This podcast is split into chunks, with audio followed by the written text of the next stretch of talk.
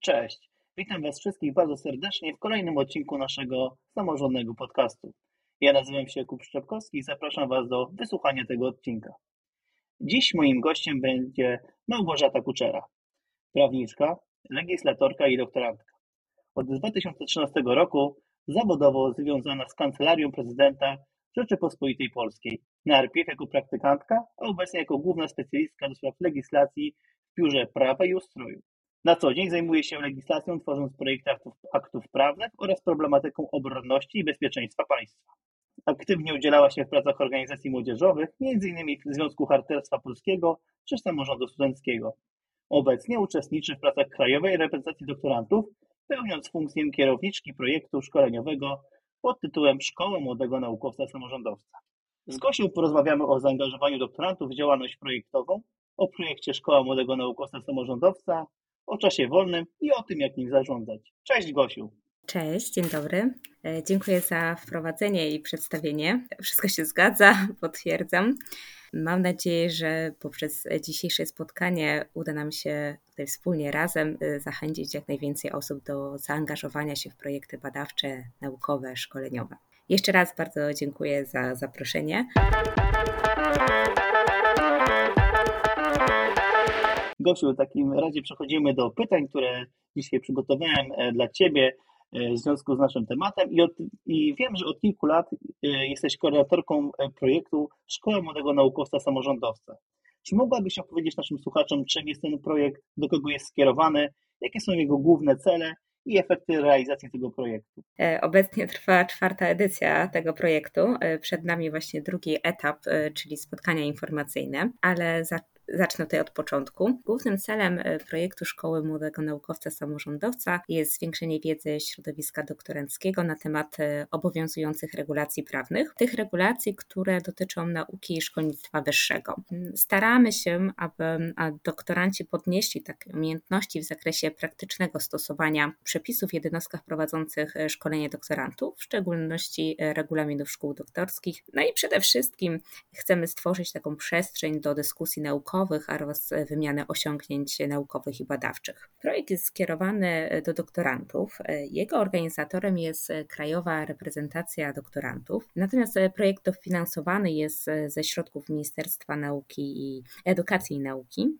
Organizacja nie pobiera tej opłat od uczestników za udział w projekcie. Ponadto uczestnicy za przeprowadzenie takich spotkań informacyjnych e, otrzymują wynagrodzenie. Projekt składa się z dwóch etapów. Pierwszy etap to wyjazd e, szkoleniowy dla wyłonionych w drodze rekrutacji doktorantów, którzy uczestniczą w szkoleniach stacjonarnych. I tutaj e, każda edycja charakteryzowała się innym programem szkoleń.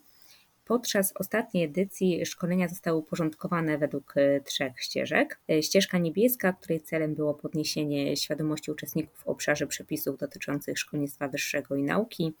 E, ścieżka zielona, której celem było podniesienie kompetencji uczestników w zakresie propagowania zachowań proekologicznych i nabycia umiejętności skutecznej popularyzacji i komunikacji dotyczącej tych zachowań. I e, ostatnia ścieżka, ścieżka żółta, której celem było nabycie umiejętności niezbędnych do budowania skutecznych e, relacji naukowych w zespołach badawczych, w tym koordynacji działań w kołach naukowych z uwzględnieniem współpracy międzyuczelnianej oraz zewnętrznej ze środowiskiem takim społeczno-gospodarczym. Natomiast drugi etap y, polega na przeprowadzeniu przez uczestników projektu, którzy uczestniczyli y, w szkoleniach stacjonarnych, spotkań informacyjnych y, w ośrodkach akademickich w całej Polsce. Obecnie trwa czwarta edycja tego projektu. A powiedz mi, jak wyglądały poprzednie edycje i gdzie się one odbywały? Pierwsza edycja projektu odbyła się we wrześniu 2020 roku w Serocku nad Jeziorem Zegrzyńskim. Byłam wówczas uczestniczką tego projektu. Kolejna edycja, którą miałam już przyjemność koordynować, e, miała miejsce w Zakopanem pod hasłem Doktorancie Rzecz Wszystko jedź z nami w góry. Ta edycja odbyła się w marcu 2020 i cieszyła się bardzo dużym e, zainteresowaniem. Odnotowaliśmy ponad 100 e, zgłoszeń. We wrześniu tego samego roku miała miejsce też trzecia edycja projektu. Wówczas doktoranci szkolili się w Toruniu. Zaś szkolenia stacjonarne dla uczestników czwartej edycji odbyły się we wrześniu bieżącego roku w Kowalu E, w uroczym miejscu w województwie podkarpackim na krańcu Roztocza Południowego. A jak to się stało, że z uczestniczki pierwszego, z pierwszej edycji już z drugiej edycji stałaś się koordynatorką. Jak do tego doszło? Dobre pytanie. Przygodę z projektem rozpoczęłam od wysłania zgłoszenia do udziału w pierwszej edycji. Zostałam zakwalifikowana i dzielnie uczestniczyłam w szkoleniach stacjonarnych, a było ich dość dużo. Później przeprowadziłam spotkanie informacyjne na mojej macierzystej uczelni. Pojechałam do Serocka nie znając nikogo, a wyjechałam z taką potężną dawką pozytywnych emocji, taką motywacją do działania. E, w istocie znalazłam się właśnie w kręgu osób, które miały podobne doświadczenie i, i cel, ten DR przed nazwiskiem. Później otrzymałam e, propozycję uczestniczenia w pracach zespołu projektowego, e, w tym opracowania wniosku o dofinansowanie projektu i koordynacji następnej edycji. Poznałam więc ten projekt tak od podszewki. W kolejnych edycjach wykorzystałam doświadczenie i wiedzę, którą zdobyłam jako uczestnik i jako koordynator. Więc znając takie mocne i słabe elementy, mogłam i mam nadzieję, że w kolejnych edycjach pomogłam w, w udoskonaleniu tego projektu.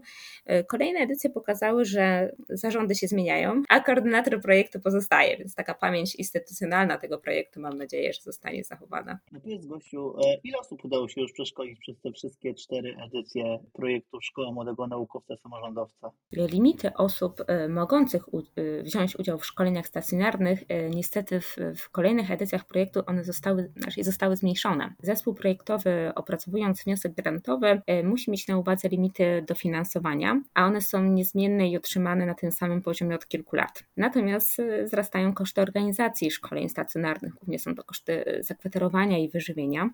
W szkoleniach stacjonarnych w pierwszej edycji wzięło udział 35 uczestników, Taka sama ilość wzięła udział w drugiej edycji. E, w trzeciej edycji zmniejszono już tutaj limit do 30 osób, e, natomiast w czwartej edycji szkoliło się 20 uczestników. E, należy mieć na uwadze, że uczestnicy szkoleń stacjonarnych przeprowadzają później spotkania informacyjne. Te spotkania są skierowane do szerokiego grona doktorantów i studentów, którzy są zainteresowani rekrutacją do szkoły doktorskiej.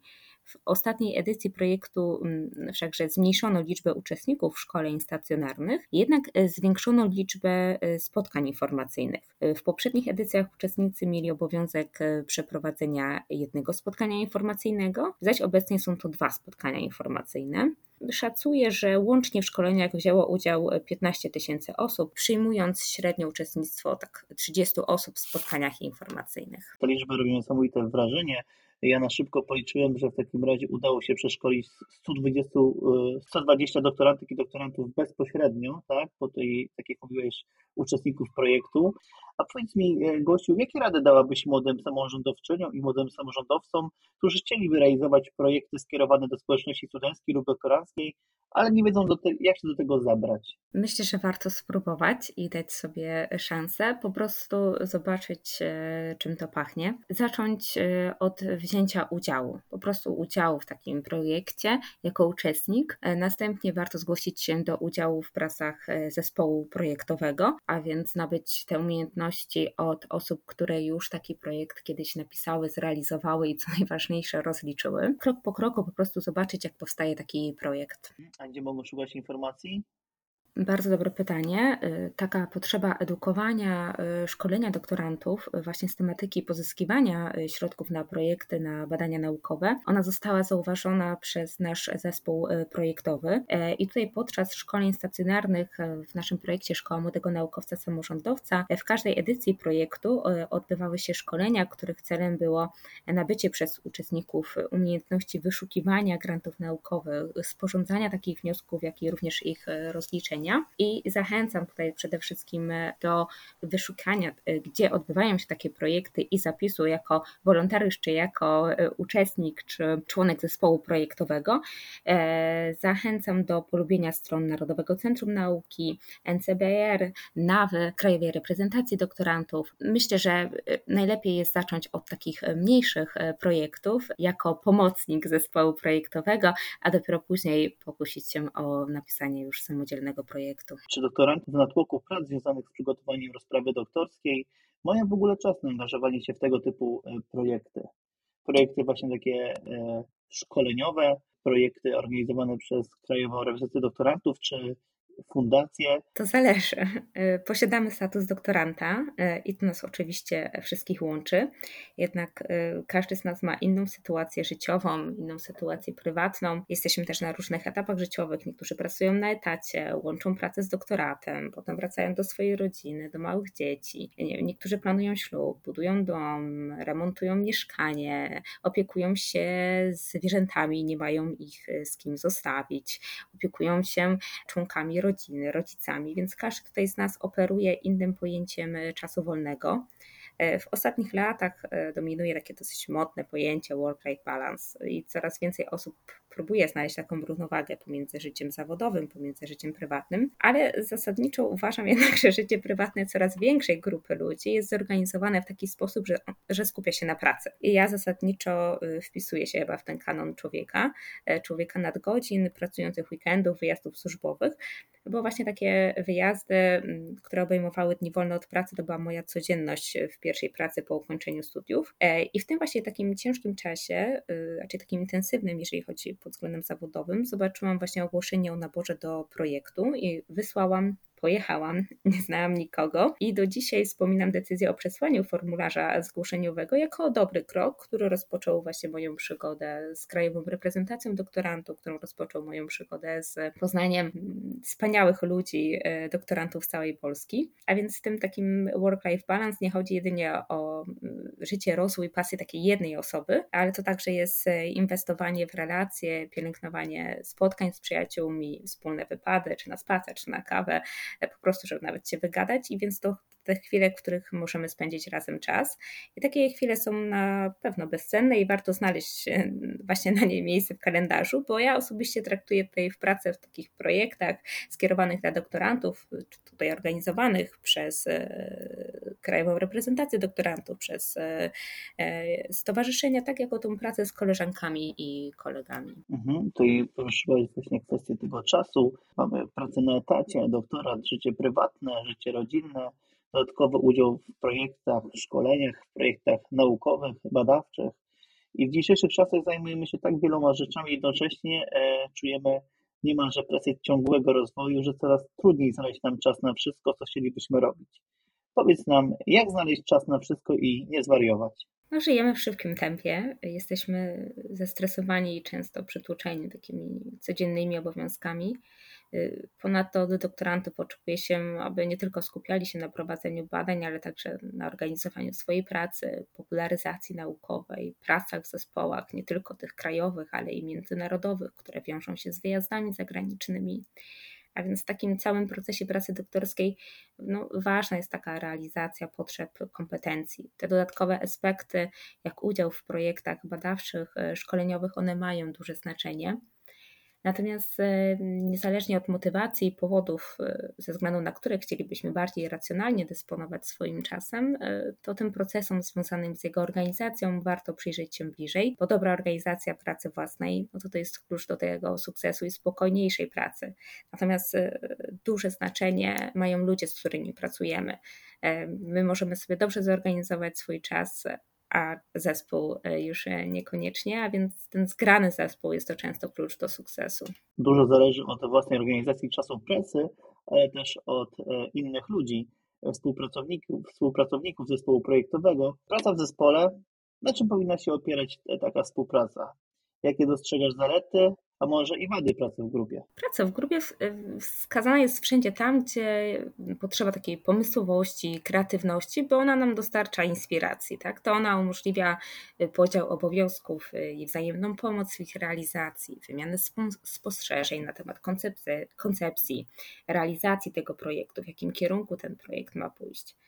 E, efekty pracy osób, które ściśle ze sobą współpracują, one e, co do zasady powinny być lepsze niż wyniki tych samych osób e, działających osobno. Więc ta praca zespołowa powinna mm, dawać tak zwany efekt synergii tak naukowo. Natomiast na pewno praca e, zespołowa, ona jednoczy wysiłki, ona jednoczy umiejętności, wiedzę, doświadczenie i mm, ma dążyć wręcz do ich maksymalizacji. E, zdecydowanie e, może pomóc w tym zrozumienie i spójność pomiędzy wszystkimi osobami w danym zespole. Istotne jest więc już na samym początku wypracowanie tych sposobów komunikacji, zasady działania, na których będą się opierać poszczególne etapy projektu.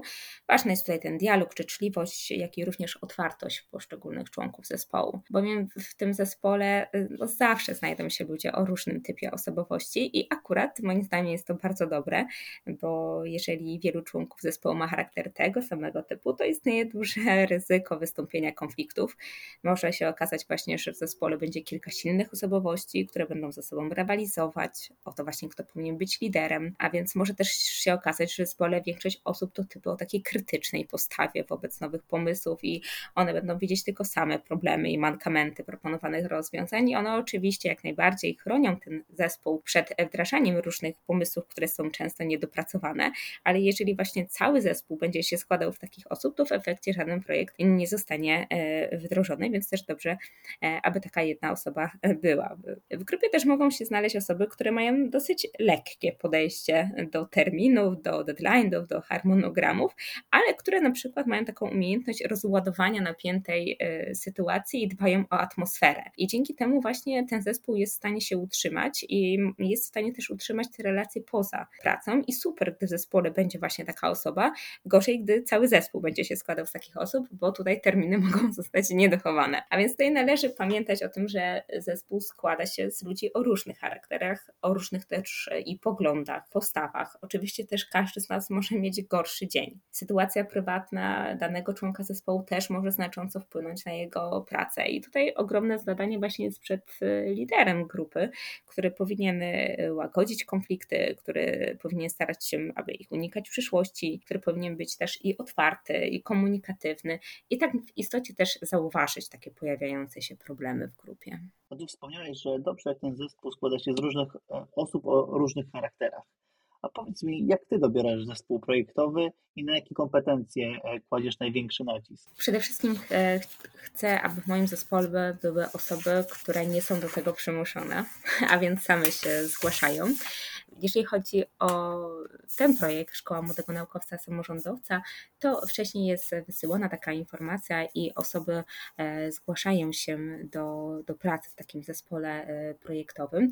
One już mniej więcej wiedzą, na czym polega ten projekt, czym on się je, więc też już zupełnie jest e, inna rozmowa.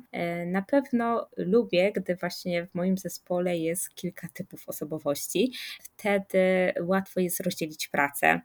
Nie ma jakiejś kłótni. Jednak najgorsze, e, co może się pojawić w zespole, to różne punkty widzenia realizacji tego projektu i nieuzgodnienie takich zasad współpracy na samym początku, bo później rzeczywiście każdy stara się realizować e, swoje zadanie jak najlepiej, ale druga osoba na przykład uważa, że e, nie powiedziałaś mi tego, a powinnaś. Więc jeżeli na samym początku ustalimy te reguły, no to e, myślę, że, że współpraca w każdym zespole wtedy będzie, będzie dobra. Wspomniałeś też, Gosiu, o komunikacji. E, czy mogłabyś ze swojego doświadczenia, e, które jest bardzo bogate już jako e, kierowniczki projektu Szkoła Młodego Naukowca Samorządowca, wskazać jakieś dobre zasady takiej komunikacji, które nasi słuchacze mogliby wykorzystać w swojej codziennej pracy, czy też przy projektach, które realizują?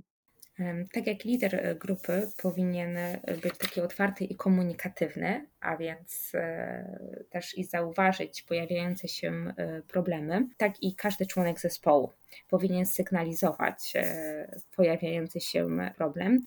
Często jednak ludzie mają problem z komunikatywnością i to jest problem, z takim otwartym przyznaniem się, czy też powiedzeniem, co mi się nie podoba, co, co chciałabym zmienić myśląc, że pozostałe osoby w zespole się domyślą albo że nie, no, będzie jakoś ok.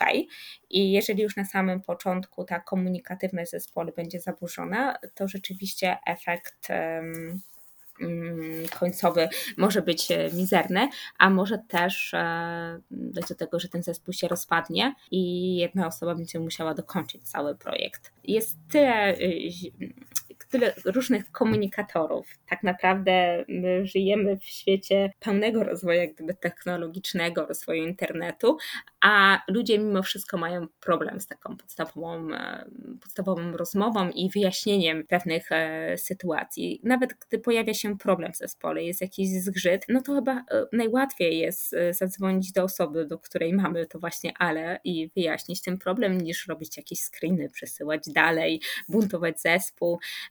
I mm, tak jak powiedziałam na samym początku, oczywiście człowiek jako sam jest w stanie zrobić bardzo wiele, natomiast w zespole te efekty będą na pewno lepsze.